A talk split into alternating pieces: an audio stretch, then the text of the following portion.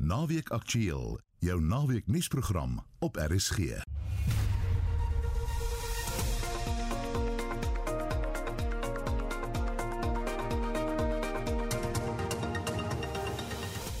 Goeiemiddag in die program vandag. Streng inperkings teen die nuwe COVID-19 variant word dalk binnekort aangekondig. We should be very careful in terms of how we manage this as South African government in terms of approaching the festive season. And any talk of lockdowns or hard lockdowns are not going to be useful for us in the tourism industry. And we're going to have more people sitting at home. Their livelihoods are going to be shattered, and we cannot afford to do that. 'n Nuutgestigte grenseenheid sal reeds tydens die feesseisoen ontplooi word. En selfs kerke gaan nou ingespan word om die COVID-19 inentingsveldtog te bevorder. We're going to knock at each and every door and speak to our people to carry the message into the church. Let's open our churches for our people to vaccinate. Irregardless of our beliefs, we think vaccines are here to save our lives. Welkom by Naweek Aktueel. Die redakteurs vandag saam met my, Hendrik Martin en ons produksieregisseur Silwester Komani. Die nasionale koronavirusraad sal vandag reeds vergader om die pad vorentoe te bespreek na 'n nuwe COVID-19 variant in die land geïdentifiseer is. Die Wêreldgesondheidsorganisasie het die nuwe variant Omicron gedoop. 'n Streng inperking kan 'n nadelige uitwerking hê op plaaslike en internasionale reise, sowel as die hele toerismebedryf. Die Verenigde Koninkryk en sommige ander lande het reeds 'n verbod op vlugte na en van Suid-Afrika ingestel. Vincent Mofokeng berig. Die VK se aankondiging oor 'n tydelike reisverbod op vlugte van 'n aantal Suider-Afrikaanse lande het hom die gramskap van die Suid-Afrikaanse regering op die hals gehaal. Die regering het die stap as voortydig beskryf. Die woordvoerder van die Departement van Internasionale Betrekkinge, Clayson Munyela, sê die regering sal met die Britse regering hieroor in gesprek tree. While South Africa respects the rights of all countries to take the necessary precautionary measures to protect their citizens, the UK's decision to temporarily ban South Africans from entering the UK seems to have been rushed, as even the WHO is yet to advise on the next steps. South Africa will engage the UK government with a view to persuade them to reconsider this decision. Die toerismebedryf sê hy het 'n verhoging in besprekings van internasionale toeriste vir die komende feesseisoen verwag. Besprekings sal egter van vandag af gekanselleer word. Nog 'n bekommernis is of die regering strawwe inperking gaan instel om die verspreiding te verhoed. Chifiwa Chibenga is die bestuurshoof van die Toerisme Sakeraad, 'n sambreelorganisasie wat die reis- en toerismebedryf verteenwoordig. Any tourists that we get you know, from international markets is important to us. They create jobs, we get more people, you know, back at work. And we should be very careful in terms of how we manage this as South African government in terms of approaching the festive season. And any talk of lockdowns or hard lockdowns are not going to be useful for us in the tourism industry. And we're going to have more people sitting at home. Their livelihoods are going to be shattered. And we cannot afford to do that. Die minister van Gesondheid, Dr. Joe Phaahla, het donderdag gesê na gesprekke met die land se ALR vir gesondheid is besluit om die hospitaalherlewingsplan te reaktiveer. Die gesondheidswerkersvakbond, Hospersa, sê sy lede is terneergedruk na die jongste variant gediagnoseer is en vrese neem toe dat hulle weens blootstelling kan sterf. Die woordvoerder van Hospersa, Kevin Halama, There is continued fears of more health workers losing their lives to COVID 19 as they continue to stand on the front line of the pandemic without sufficient support from government. Our members still report inadequate supply of PPE, poor implementation of Occupational Health and Safety Act, and staff shortages as their main concerns. Hospesa calls on the Department of Health to fill the vacant funded posts and prioritize the safety of health workers as the country approaches the fourth wave, spearheaded by the new variant. Die nuwe variant is hoogs aansteeklik en het meer as 30 mutasies. Dit kan ook die reaksie van die immuunstelsel ontwyk. Werk is egter aan die gang om te kyk watter beskerming die COVID-19 en stowwe teen die nuwe variant bied. 'n enstofkundige van die Universiteit van die Witwatersrand, professor Shabir Madi, sê daar is geen rede om paniekerig te raak nie. When people say it's vaccine resistant, they are being uh, completely ignorant to the multifaceted immune responses that vaccines induce. It might be resistant to antibody responses, uh, which is one arm of the immune system that is stimulated by the vaccine. But the antibody responses are less important when it comes to protecting against severe disease. The protection against severe disease is probably more mediated by the T cell responses, and the T cell responses are largely unaffected by the type of mutations that have been occurring in the spike protein, which allows the virus to evade the antibody responses. Die land wag met ingehoue asem op die regering se planne in reaksie op die nuwe variant. Die verslag deur Tsepo Pagani en Annelien Moses en Akas Vincent Mufokeng vir SAIK nuus. Die WHO se tegniese hoof van COVID-19 sake, Maria van Kerkhofe, sê daar is wetenskaplikes in Suid-Afrika en elders in die wêreld wat navorsing oor die eienskappe van Omicron doen. Based upon the information that we have, particularly from South Africa, um, they have advised WHO that this variant should be classified as a variant of concern. We are announcing B11529 as a variant of concern named Omicron. So, Omicron is named as a variant of concern because it has some concerning properties. This variant has a large number of mutations, and some of these mutations have some worrying characteristics. Right now, there are many studies that are underway. There's a lot of work that is ongoing in South Africa and in other countries to better characterize the variant itself in terms of transmissibility, in terms of severity. Once a variant is classified as a variant of concern, it's really important that we have good SARS CoV 2 surveillance around the world. En dit was die Wêreldgesondheidsorganisasie se tegniese hoof van COVID-19 sake, Maria van Kerkhofe. Dis nou 10 en 'n half minute oor 12. Nou na 'n siekte van 'n ander aard. Die Suid-Afrikaanse Nasionale Vigsraad se ontmoeting met geestelike leiers in Durban is deur die COVID-19 pandemie oorheers. Die vergadering is op die vooraand van 'n voltallige vergadering van die Vigsraad die naweek belê, terwyl 'n internasionale konferensie oor vigs in Afrika aanstaande maand in die stad gehou gaan word. Dries Liebenberg berig. Die minister van Gesondheid, Dr. Joe Pashla, sê Suid-Afrika se veldtogte teen HIV vigs, tuberkulose en selfs die behandeling van diabetes en hoë bloeddruk is deur die COVID-pandemie geknou. Uit die 7.7 miljoen mense in die land wat HIV positief is, is slegs 71% op antiretrovirale behandeling. Om HIV vigs teen 2030 as openbare gesondheidsbedreiging te beëindig, het die Verenigde Nasies gesê teen 2020 moet 90% van mense weet wat hulle HIV status is. 90% van mense wat besmet is, moet op antiretrovirale behandeling wees en 90% van die mense se virale lading in hulle liggame moet onderdruk wees. Paarla verduidelik wat tydens die COVID-grendeltyd gebeur het. Uh, people being afraid to visit the clinics and the hospitals and also a lot of our health facilities being overwhelmed by managing patients with uh, uh, COVID-19. So as a result of that, we have lost uh, in terms of being able to uptake more testing for HIV and AIDS finding people who are also having infected with tuberculosis, even keeping people on treatment, those who are already diagnosed. Uh, so we lost a lot of ground as a result of, of the COVID-19. Terwyl Paartla gesê het daar is planne om die agterstande met die behandeling van HIV vigs en TB in te haal, het die meerderheid sprekers op die COVID-pandemie gefokus.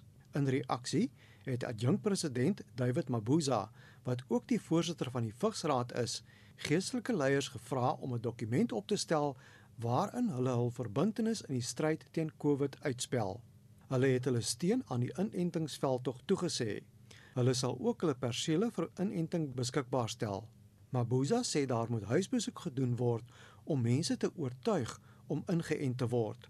We're going to knock at each and every door and speak to our people. Let us take this collectively to carry the message into the church. Like I said, let's open our churches for our people to vaccinate. Irregardless of our beliefs, we think vaccines are here to save our lives. Geestelike leiers het verduidelik hoe hulle sedert die uitbreking van die COVID-pandemie na mense se fisieke en geestelike welstand omgesien het. Hulle het die regering gevra om nie weer plekke van aanbidding te sluit nie, omdat dit mense geestelik en sielkundig meer weerbaar maak. Rabbi Gilead Friedman verduidelik. People's lives have got much more pressure and sometimes they wait a long time for treatments. A WhatsApp or a phone call makes a very big difference, but not seeing people in per- uh, seeing someone in person has really created a trouble. Mercifully, since the restrictions have been lifted and our people have returned to hear the words of holiness, and prayer, but also they've come to be together. I'd like to uh, make a plea to uh, all of our, uh, our members of government to truly engage with the people. Attend your house of worship of your faith once a week. That is a way to be on the ground. Die hoofsekretaris van 'n Sambreel liggaam van tradisionele genesers, Solly Nduku, het vertel hoe hulle 'n kopskuif moes maak nadat die pandemie die lewe van talle van hulle kollegas geëis het. We reach a consensus as a community of indigenous spirituality and traditional health practices in saying, in as much as we've got rights, but there is also a right to life and right to health. Hence, we came into a decision that we would encourage that uh, the myth and demystifying of the vaccine is something that, that need to be unbundled. Vaccination is something that we do on a daily basis. Slegs sowat 40% van volwassenes in Suid-Afrika is ingeënt, terwyl die regering se teiken 67% teen die einde van die jaar is. Ek is Dries Liebenberg in Durban. En nou skuif ons fokus na die vakansieseisoen. Die grensbestuursowerheid, wat nog nie ten volle in werking is nie, beplan reeds grenspatrollies tydens die feesseisoen. Die nuwe eenheid bestaan uit douanepersoneel en soldate wat sal saamwerk om onwettige migrasie, smokkelary en algemene misdaad langs die grense te beperk. Die parlementêre portefeulje komitee oor binnelandse sake en die komitee oor veiligheid en justisie is van dese week ingelig oor die regering se pogings om Suid-Afrika se grense minder poreus te maak. Ons praat nou met die DA se skademinister van verdediging, Kobus Maree. Goeiemôre Kobus. Goeiemôre Marita en goeiemôre aan die luisteraars. Watter tipe inligting is daar aan julle gegee oor hierdie nuwe eenheid? Ehm um, Marita, ek dink mens moet die die die nuwe uh sogenaamde ehm um, grensbewakingseenheid wat hy sy afkorting wel is, uh border management ehm um, uh you know bestuur of die liggaam mm. bestaan hoofsaaklik uit ehm um, die polisie uh uh SARS wat die wat die wat die aksiesgedeelte dra en binnelandse sake. Ironies genoeg is die is, is die departement van verdediging nie amptelik deel van die BMA nie. Alhoewel die die weermag die verantwoordelikheid het om die grensgebiede tussen die amptelike binnekomspunte of of of in en uitgangspunte mm. te moet beskerm en te moet beveilig. So dit is baie ironies, maar op hierdie stadium is die rol van die van die weermag dan om eintlik die landelike gebiede en eintlik die ruwe gebiede in mynsinsiens waar die meeste onwettige oorgrens bewegings plaasvind, het die weermag dan die verantwoordelikheid om dit op alle grense en dit is oor die 4400 km van Suid-Afrika mm. wat die weermag dan daai verantwoordelikheid het om om om te bepak. En dan die res, die ander uh um departemente is natuurlik gesetel op die amptelike in- en uitkomspunte soos Komati Poort of soos Beitbrug ja. of of al die ander. Mm. Jy weet mens ek nou terugdink aan die onluste in Durban, ek meen die polisie kon nie naaste by bykom nie. Nee. Dink jy nee. hulle gaan hierso doeltreffend wees? Wel, mense hoop so omdat dit ook 'n 'n 'n 'n meerdere departemente is wat daarbey betrokke is. Maar natuurlik is die is die weermag altyd op op die ehm um, gereedheidsgrondslag om ook in daai geval betrokke te wees. Mense moet onthou die die grensbewaking is tans onder wat ons noem op uh operasie Corona. En dan die die ondersteuning vir die polisie is is dan onder 'n ander operasie. So met ander woorde, ons het altyd weermaglede wat gereed is om uh, onder operasie Prosper dan ook die ondersteuning aan die polisie te moet gee Ons hoop natuurlik dat die dat die polisie op hierdie stadium wel hulle werk sou kan doen in daai geval, maar omdat ons basisse dan ook naby hierdie hierdie hierdie amptelike ehm um, in in uitbeweegpunte is, is dit natuurlik relatief maklik om daarna te te mobiliseer indien dit werklik sou nodig wees. Mm, mm. Kobus, dink jy daar's deeglike beplanning gedoen en is daar ooit 'n begroting vir hierdie sending? Weet jy, dit is een van die groot probleme op hierdie stadium en jy weet daar's mos hierdie Engelse spreekwoord steal from Peter to pay Paul. Mm. Nou op hierdie stadium met die beperkte begrotings ehm uh, hulpbronne wat daar is en die ekonomie wat so onder druk is, is daar bitter bitter min of geen addisionele geld wat bewillig word hiervoor nie. Mm -hmm. En dit beteken die departement moet eintlik maar binne hulle self gaan kyk en natuurlik um, van hulle eie befondse fondse gaan verskuif. En dit beteken iewers gaan jy iets nalat. En mense is uit die aard van sak baie baie bekommerd daaroor en dis hoekom ons voel binne die DA veral dat daar moet 'n absolute eerlike en opregte um, herbesinning plaasvind oor hoe ons ons grensbewaking plaasvind. Een van die dinge waarop ek byvoorbeeld baie sterk staan is dat ons moet baie meer ingaan op die gebruik van ehm uh, kubertegnologie, mm. uh, satelliettegnologie en ander hoë end uh, tegnologie ja. sodat ons 'n 24 dae 7 dae week mm. 52 weke per jaar ten volle ehm um, uh, observasie oor wat ja. gaan op die grens aan, waar is die bewegings sodat natuurlik soldate onmiddellik ontplooi kan word na daai punte toe waar daar blyk 'n probleem te wees. Op hierdie stadium is dit nie moontlik nie en uh, en en ons het eenvoudig nie genoeg geld beskikbaar om mense oral te hê nie. So daar ja. moet 'n herbesinning baie baie dringend plaasvind.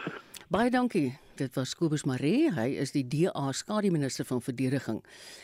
Nou moet ek vir julle sê, ja, ons het gesien wat gebeur het met die grens wat opgerig is of die draad by Beitbrug. So die die deursigtigheid en die eerlikheid waarna Kobus verwys het, wonder ek oor. Ons praat verder met 'n kruiskundekenner verbonde aan die Universiteit Stellenbosch professor Abel Erasmus. Hallo Abel. Goeiemôre uh, Marita. Waar lê die probleem by ons grense volgens jou?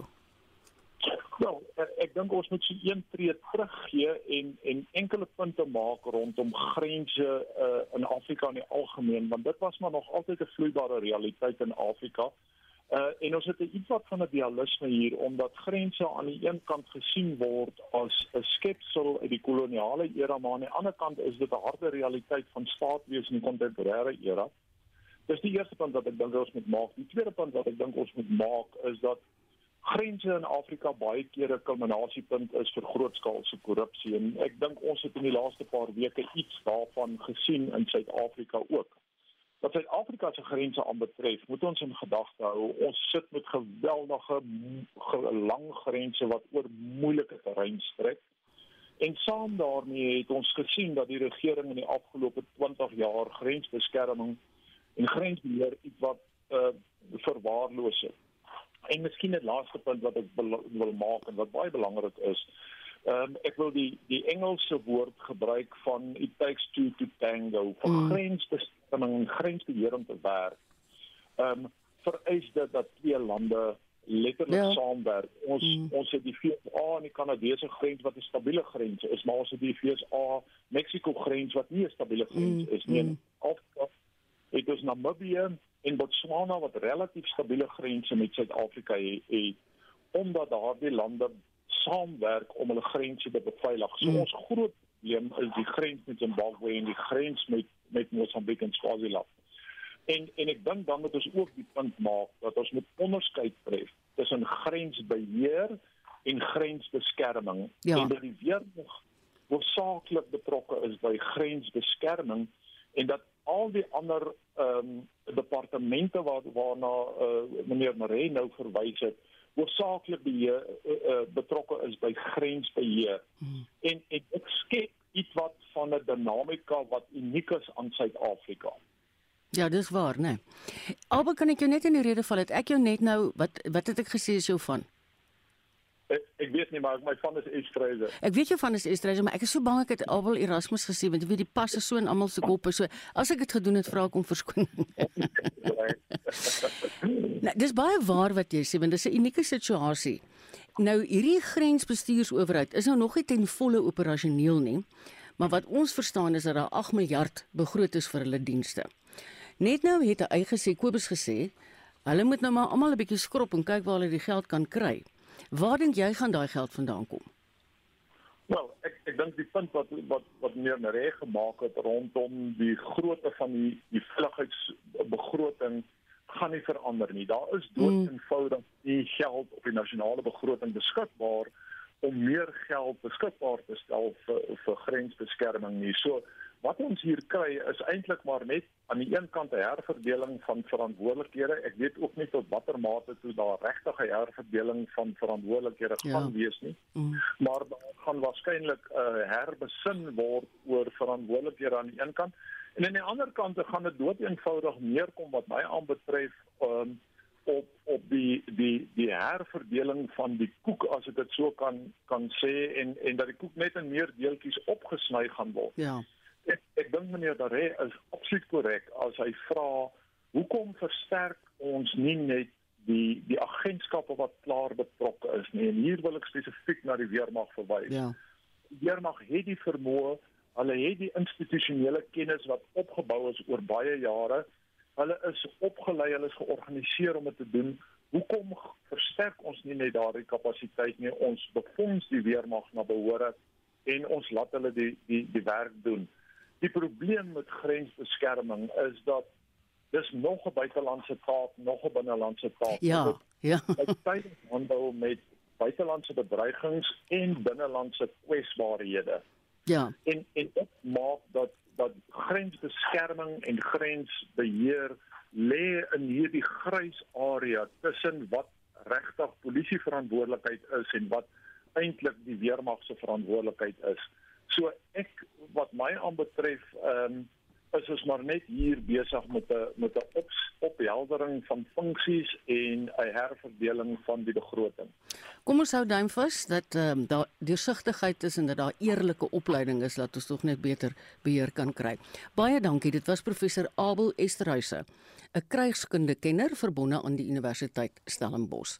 Dit is so 'n paar sekondes na 26 minute oor 12.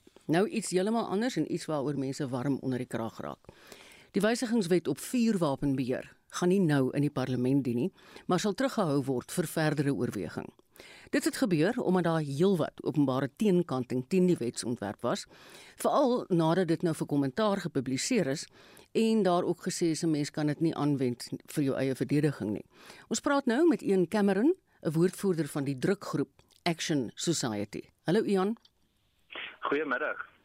Hoekom is daar teenkanting teen die wetsontwerp? Wat is die wat is die grootste klagte? Ek dink ons het twee of drie kernsake wat natuurlik baie kommerwekkend is. Die een wat die die meeste mense warm onder die kraag gehad het, was die feit dat jy nie 'n wapen sou kon hê vir selfverdediging nie, wat natuurlik verregaande is in 'n land waar misdaad net aan die orde van die dag ja, ek weet nee, nie hoe om dit anders te sê nie. In die afgelope kwartaal wat hulle nou bekend gestel het, was al meer as 10000 verkrachtings aangemeld. Ehm um, uh, dit is dit is verskriklik. So nietemin, eerstens misdaad.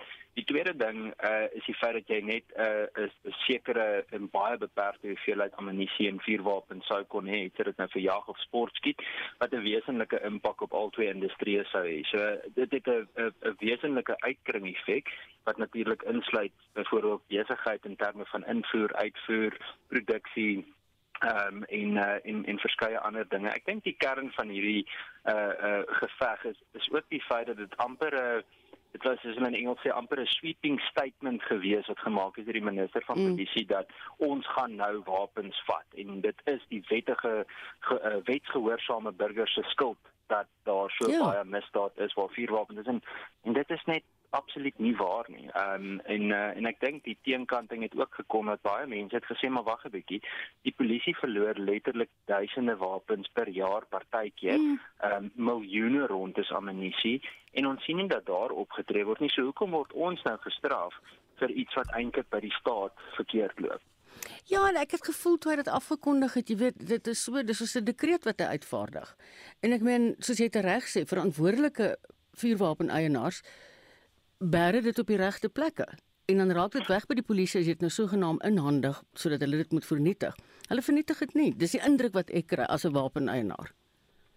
Absoluut. Ek dink ook die ander ding wat ek um, hierdie afgelope week gelees het, ek het en ek gaan nie nou die naam noem nie, ek het 'n spesifieke kriminoloog wat verbonde is aan 'n universiteit in die land, het um, het gesê maar eh uh, eh uh, polisiestasies word geteken omdat baie wetgehoorsame mense wapens ingedien. Dit is absoluut snert. Ek dink polisiestasies word toenemend geteken deur groot groepe misdadigers want hulle weet dat die wetgehoorsame burger terugveg en dikwels beter terugveg hmm. as wat die polisie self doen. En ja. dit is nie om die polisie as geheel swart te smeer nie. Ek kry baie van die beamptes regtig jammer wat fantastiese werk doen onder geweldige druk met min hulpbronne. Hmm. Die feit van die saak is net dat baie keer in die meeste gevalle in my opinie is wetsgehoorsame burgers meer bevoeg, beter opgelei en meer paraat en gedissiplineerd as dit ons sien in uh in intussen ons wetstoepassingsentiteite in Suid-Afrika.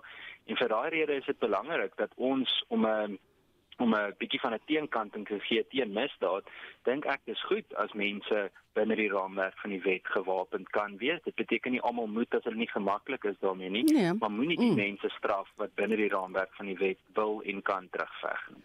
Ian, hoe voel Action Society oor die uitstel van die wetgewing? Ons het um, ons het twee opinies. Ek dink die uh, wat wat, wat saamloop. Die eerste ene is ons verwelkom natuurlik die uitstel, maar volgens ons is uitstel nie genoeg nie. Ek dink dis ook belangrik dat ons nie nou almal koning kraai en uh, en veral nie sê dat dit een organisasie is wat nou sukses behaal het nie. Ek dink daar's 'n sameloop van 'n klomp dinge en klomp organisasies wat saam hierdie ding uh um uh beveg het. Um hoekom ek dit noem is uh is is hierdie is hierdie stryd is lank nie verby nie. Ja, nee. Die ANC hmm. se beginsel van um uh die balance of forces soos hulle altyd sê en as jy mm. gaan lees na die uh, in die in die National Democratic Revolution uh die beginsel dat hulle die water weer gaan toets is 'n is 'n feit soos 'n koei yeah. Ja. en uh en ek wag vir die volgende aanslag wat kom. So uh uitstel is goed vir nou. Ek dink dit gee dalk vir ons 'n maand of so 'n bietjie asem te haal, maar hierdie ding moet in totaliteit geskraap word. Uitstel ja. is nie goed genoeg nie en uh en ons wil dit uit die minister se mond uit hoor, uit die staat se mond uit hoor dat ons geensins ehm um, weer sal probeer inmeng by die uh ehm um, by die by die besit van uh vuurwapens onder wetsgehoorsame burgers nie.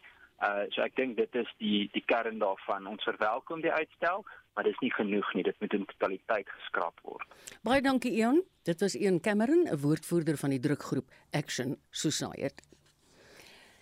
Nou, vir een van die groot nuusstories van die week. Die petroleumreus Shell ontken dat hy nie 'n behoorlike omgewingsimpakstudie gedoen het vir sy beplande seismiese eksplorasie nie.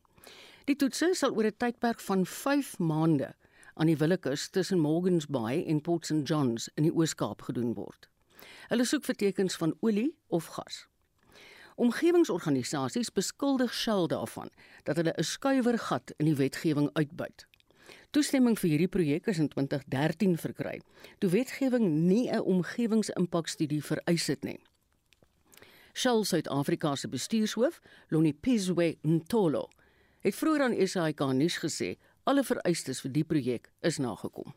Indeed, there has been a lot of uh, conversation about this project. What we are doing, we are targeting an area within our exploration block where we believe there may be potentially hydrocarbon deposits beneath the seabed. So, to understand if there could be commercially viable resources, we need to build up an image of what is in the subsurface. So to image the subsurface, one must undertake a seismic survey. This is a collection of data that uh, the scientists use to interpret what is under the surface. Mtolo verduidelik wat die seismiese toetsing behels. It entails the process of using devices that uh, go onto the surface of the ocean. From there, they actually shoot the sound sources. This sound source will then go beneath the subsurface and then we look at what is there. So it's it's an imaging process. Omgewingsgroepe sê die toetse is baie nadelig vir die omgewing. Die proses om die foto's van die oseaanvloer te kry behels die uitstuur van supersoniese klankgolwe wat tot 260 desibel kan styg. Mtolo sê as hulle gedink het die toetsing is nadelig vir die omgewing, sou hulle dit nooit onderneem het nie. If this was something that we believe will damage the environment and will damage marine species, we would not be doing it as Shell. We believe that over the years we've developed enough understanding of how these projects are conducted And uh, in doing that, we've used a lot of science and technology to make sure that we mitigate any potential harm that we might cause to marine life and all that is in the water. Mtolo sê behoorlike omgewingsimpakstudies is wel gedoen en dat die tipe projek wêreldwyd gedoen word. Indeed, assessments have been done, and it is important to put it uh, to you that this kind of survey, there are thousands of them going on as we speak around the globe. Some have been conducted on our coast as well without any noticeable damage to marine life. We make sure that we, we do not harm any animal. We adopt certain mitigation measures in response to those identified impacts that might occur. So there's a lot of research that goes into this. And what we do, which is very, very effective, is that we include making an exclusion zone around the sound source. The exclusion zone goes to about 500 meters. And this exclusion zone is monitored to make sure that no animal comes into it. We also have dedicated people on board who are listening for any animals that we don't see come to the ocean surface. If an animal does come into an exclusion zone, the actual sound initiative is actually stopped until the animal leaves this exclusion zone. And when this animal leaves the exclusion zone, then we again start and start in a very, very soft process that is obviously escalated to the required levels in due course. Shell loop ook deur onder kritiek omdat die maatskappy na olie soek terwyl die res van die wêreld na groen energie beweeg. Mtolo sê Shell is ook ten volle daartoe verbind om groen energie te ontgin en te ontwikkel. Indeed, we have seen that question and we've seen those concerns. The just energy transition is not something that you can switch on and switch off. You know, it's a process that gets taken over time. There are needs of energy that are there today that we must look into, and we need to look into developing these energies the best possible way we can.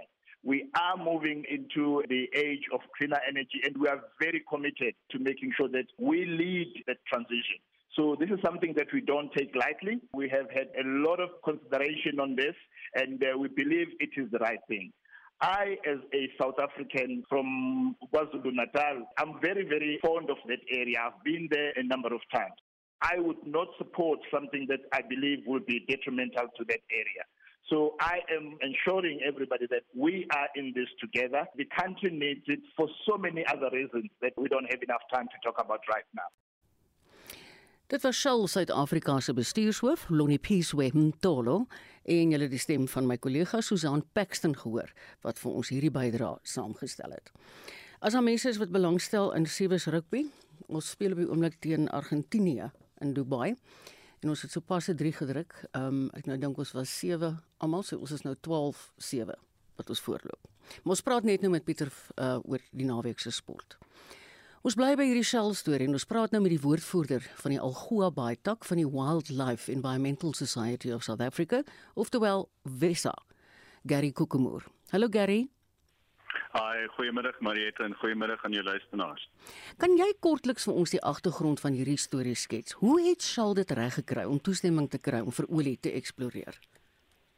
Met plesier as jy my so verskoon gaan ek in in Engels maar voort ek sê Engels kom moet en daai groot woorde uh, gaan ek oor oorstrymel um uh, uh, Mariette, what what happened is that there's two companies that have applied. Uh, they both or, uh, own the the exploration right. So that's Am- Impact Oil and Gas and Shell, uh, as in the Shell that we we know. Mm. And in 2013, what they did is they applied for an exploration permit uh, of certain areas off the Transkei coast, uh, the Wild Coast as we know it. Um, and those are seismic surveys that they do uh, through the process. The, the legislation has subsequently changed, which, me, would, which would require them to go through a full environmental assessment. In this case, all they had to do is create an environmental plan, which says what, how will they mitigate any damage that occurs. And our argument is very simple: is that we don't know enough of what the impact of this is on mm. the entire sort of um, sea life, mm. the whole ecosystem. Uh, and so that you should do those studies before, not after, uh, after the, the damage has occurred. Uh, and there's significant research already that suggests to us that, that there is substantial damage that is caused by seismic surveys. Ek weet nie, ek het nou geluister na wat die woordvoerder van Shell in Suid-Afrika sê, maar en hy sê groot stukke sal afgekamp word, maar hoe op aarde gaan jy dit doen? You, you, you, you can.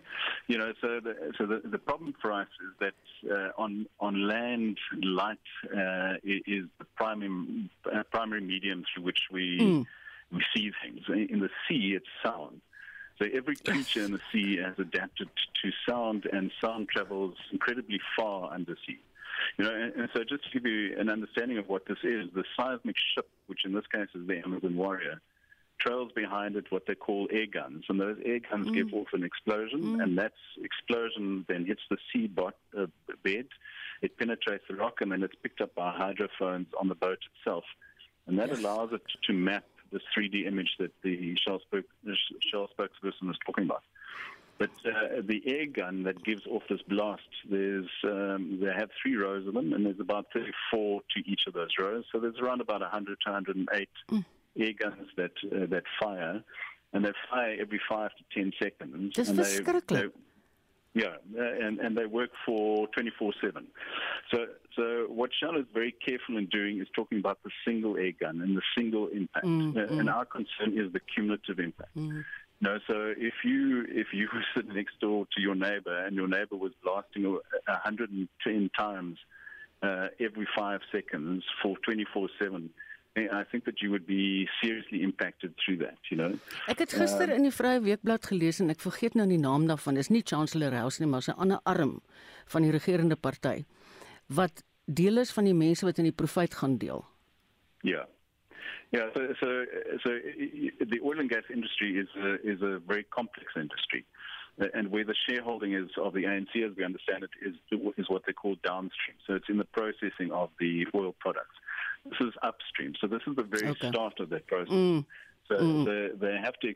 So what they do is they do the seismic surveys to understand where there's potential um, yeah, oil and gas reserves, mm. and then they go and sink a well, uh, an exploratory well. So we're not at that stage yet. But we, but even at this stage, the damage that this will cause the the environment and and you know the, the other thing that's changed the, uh, since 2013 is that I think there's four or five marine protected areas that have been declared in the Transkei area mm. off the Wild Coast. And they haven't taken that into consideration. No. And there's no ways that you can create a sound wall in the nee, sea jy kan nie. sound Ja, nee, nee, nee, nee. Ja. ja so, Gary, hou asseblief aan met julle baie goeie werk. Dit was Gary Kokemoer, die woordvoerder van die Algoa Baai tak van Wessa. Wel, ons het aangeskuif wat betref ons sewe Ons loop voor. Laat ek net dit sê want ek het vir Pieter op die oomblik op die lyn Pieter van der Berg. Hy is ons RSG sportman. Hoe hallo Pieter? Kom ons kop af met rugby op die oomblik. Is Suid-Afrika 17-7 met 20 sekondes reeds in beseringstyd um, teen Argentinië. Aanvanklik moet ek jou sê ek 'n klein bietjie my moed my skoene gesak, maar ons het tussentyd baie mooi bygepik. So daar's enkele sekondes hoor. 17-7 in Argentinië en as dis in die tweede helfte ja en ek dink dit o dis finale uh, spel. Daar staan final play. So nou ja. Tussen Shell en tussen Dubai hoop ons ons skryf vir Pieter weer op die lyn. Hallo Pieter. Hallo sê Marieta. Weet jy met al hierdie regstreekse onderhoude wat ek nou gedoen het, kon ek nou nie die televisie die hele tyd dop hou nie, maar aanvanklik het ek bietjie asem opgehou vir daai sewes, maar dit lyk my erns het ons bygepik.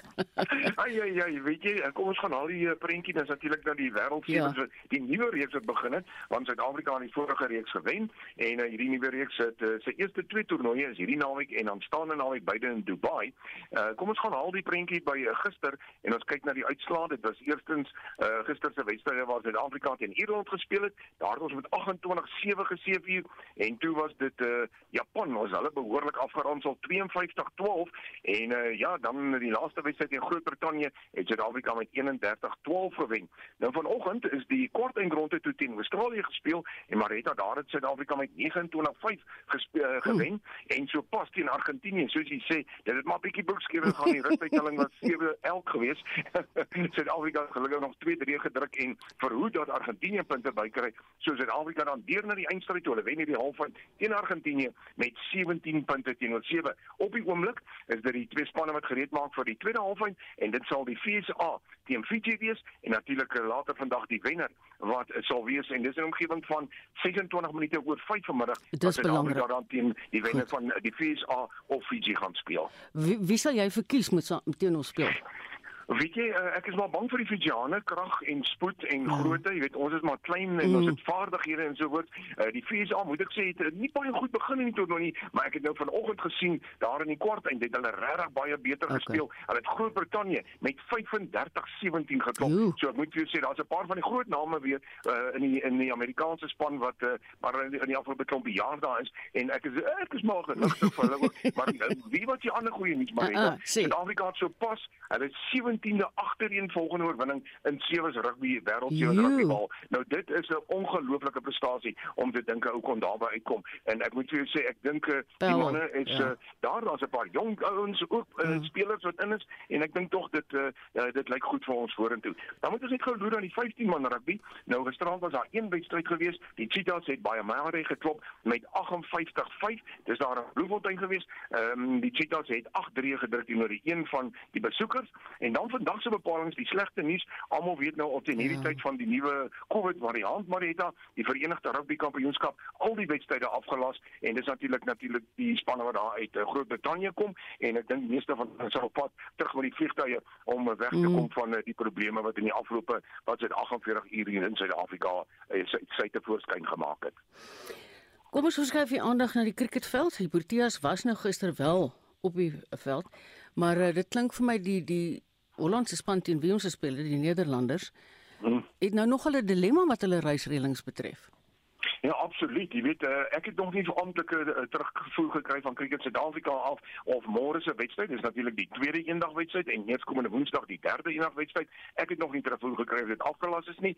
Uh, daar is ernstig wat ek vanoggend uh, nuus gekry het dat daar uh, vandag 'n beslissing geneem ja. sal word en dan sal dit aan ons deurgegee word, maar môre moet die tweede eendag wedstryd gespeel word. Gister was die eerste ene ja. op Centurion en Suid-Afrika het 277 aangeteken, goed gekolf daar mm. en uh, ongelukkig is dit toe die reën wat uh, die baas was in daardie wedstryd en uh, so die tweede eendag wedstryd moet môre plaasvind en uh, ek sal deur die loop van die dag sal ek verslag doen oor daardie wedstryd môre indien hy plaasvind. Ja. Ek moet vir jou sê dit lyk vir my asof die veral die ehm um, Europeërs maar haastig op pad is terug huis toe en ek weet nie of dit sommer sal aangaan nie. Dan moet ons ook natuurlik kyk na die ehm um, die toer van Indië, hè. Daar is uh, drie ja. toetse uh drie eendag wedstryde en ook uh, drie uh, vier uh, 20 wedstryde wat in Desember en Januarie moet plaasvind en ek moet vir jou sê ek is maar baie bekommerd oor daardie wedstryde. Dan moet ons dan net kyk na die plaaslike vierdag reeks. Daar het die Titans 308 aangeteken en dit is in die Parel teen die Boland, die Boland 142 vir 4. Dit is nou na die tweede dag gister en dan in Port Elizabeth die Warriors teen die WP, die Warriors 366 en die Weselike provinsie het um, in 'n opvolgboord 79 gekry, 173 so Die Warriors wen dan met 'n beurt en 114 lopies, 'n maklike oorwinning vir hulle. Dan is dit die Dolphins in Potchefstroom wat 'n 409 verklaar aangeteken het en in Noordwes 4 sonder verlies aan die einde van dag 2 gewees. En dan die Knights 124 in Johannesburg teen die Lions, die Lions 150 vir 2, so hulle het reeds 'n uh, voorsprong van 26 lopies met 8 paaltjies staande. So wat die krieket dan betref, uh, is daar daarom die plaaslike krieket wat op die oomblik voortgaan. Uh, kan jy net vinnig vir ons gou vertel van die sonskynreeks? Ons het baie min ja. tyd. Doodreg, ons uh, kyk gou vanaand na die golf. Dit is natuurlik uh, die ehm um, derde nee, die vierde ronde van môre wat gekanselleer is. Dit gaan nie plaasvind nie op die oomblik in die derde ronde. Tristan Lawrence, hy speel tans die derde puitjie. Hy's op 1100 syfer 3 voor Sander Lombard en dis die Joburg Open by die Randpark Klub. Aanstaande week se SA Open gaan voortgaan in hierdie stadium, maar net uh, as 'n sonskynreeks toernooi, maar die week daarna se toernooi sal beslis nie plaasvind nie. Dis die Alfred Daniel daar by Leopard Creek. Daardie toernooi is afgelas juis as gevolg van die COVID-probleme probleme. Skus, ek moet hier haltroep Pieter. Nie tyd is besig om ons in te haal, maar baie dankie. Jy het gesê dis 26 minute oor 5 vir die sewes, nou. Dis 100% korrek, Marita. Dankie Pieter. In ons weeklikse motorrubriek berig Wessel Pretorius oor 'n padveiligheidsinisiatief.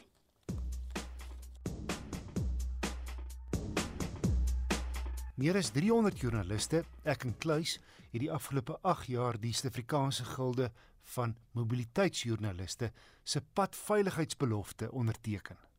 Die gilde nooi nou ook die publiek om hieraan deel te neem. Die gilde se voorsitter, Karl Weppener, verduidelik. Wissel die padveiligheidsbelofte behels dat elke gilde lid daardie belofte onderteken en dat ons daarmee sê dat ons alle reëls op die pad sal byhou dat ons veilig wat sal mense sê veiligheidstoepassings op jou motor jouself, jou bestuursvernuf sal toepas, jy nigter sal wees en die mooiste een daarvan is die stil wees.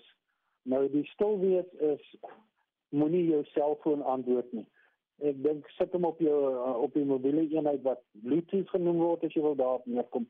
Die groot ding is met die padveiligheidsbelofte is dat nie net ons guldelede nie, maar ook ons padverbruikers bewus sal wees van wat nodig is om te verseker dat jy veilig bestuur en veilig by jou bestemming gaan aankom. En daarom reik ons ook uit na die publiek op ons sosiale media bladsye om die padveiligheidsbelofte te teken. En uitnaamlik die drie gedeeltes wat ons betref.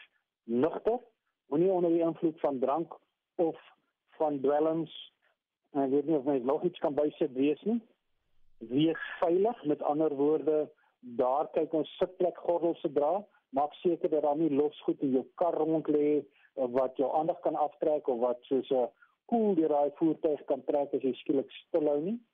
En dan stil. Die stiltes, nou soos ons sê, sit daai selfoon weg of gebruik jy dan nou die woord wat daar is, die Bluetooth of die handsvrye telefoons stelsel om te antwoord. Moet asseblief nie jou WhatsApp of ander boodskappe gebruik nie. En wie jy ek sien mense dink omdat hulle dit dan nou op die skerm sien van die motorvoertuig self, dan kan hulle dit maar gebruik, maar ek sê vir jou hy trek net soveel aandag af. Soos ons sê, gebruik eerder die tyd in die kar in stilte. Niemand sal vergaan as jy nie 'n boodskap oor 20 of 30 minute lees nie. En dan die ander ding wat daarbey kom, jy weet ons sê vir mense om veilig te wees ook. Jy stuur vir 'n halfuur of 'n uur stop dan, neem 'n koffiebreek of stop iewers. Dan as jy tyd na haal jy jou voetjie uit en jy kyk gou wat is doen wat nodig is en dan gaan jy weer verder. Die 21ste November was die internasionale dag van herinnering van lewensverlies op die wêreld se paaie. En In ons land wil ek dis tragies om te sê maar ons is een van die voorlopers as dit kom in lewensverlies per 1000 mense. Net byvoorbeeld laas Kersseisoen was daar 1210 dodelike verkeersongelukke waarna 1448 mense gesterf het. Hmm. En 34% van daai ongelukke het gebeur gedurende ons COVID aanklokkerie. Dit was tussen middernag en 6 voormiddag.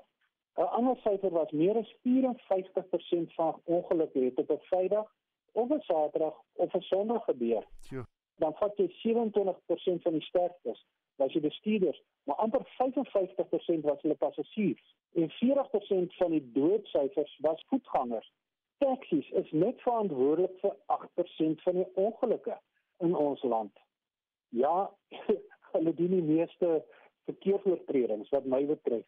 Maar as jy daarop neerkom, moet ons besef ons is nie sulke goeie bestuurders soos wat ons dink nie. As jy kyk selfs wêreldwyd, is padverkeersbeserings is nou die grootste verlies aan lewe van mense tussen die ouderdomme van 5 en 29 jaar. Besef ons mense wat dit beteken. Dis ons jong mense, dis ons kinders. En hoekom is dit? Hulle is onoorwinnelik. Gaan nie my gebeur nie. Tragies aan die ander kant, jou kind sit in kerm in die kar, hy wil nie vas wees in die gordel nie en jy laat hom toe en die volgende ding is jy gaan nou begrafnis. Ek is jammer om dit so lelik te sê, maar dis waar dit neerkom. Ja. Of jou kind is so beseer dat hy nooit weer regkom en jy gaan jouself nooit vergewe nie. Ons moet wakker skrik. Teken daai belofte en bly daarbey. Kaal en waar kan belangstellendes hierdie belofte te sien kry en teken? Hierdie belofte wissel is is beskikbaar op ons webblad. Ek het nie die hele lyntjie nie, maar mense kan gaan na www.sagnj.org, so www.sagnj.org.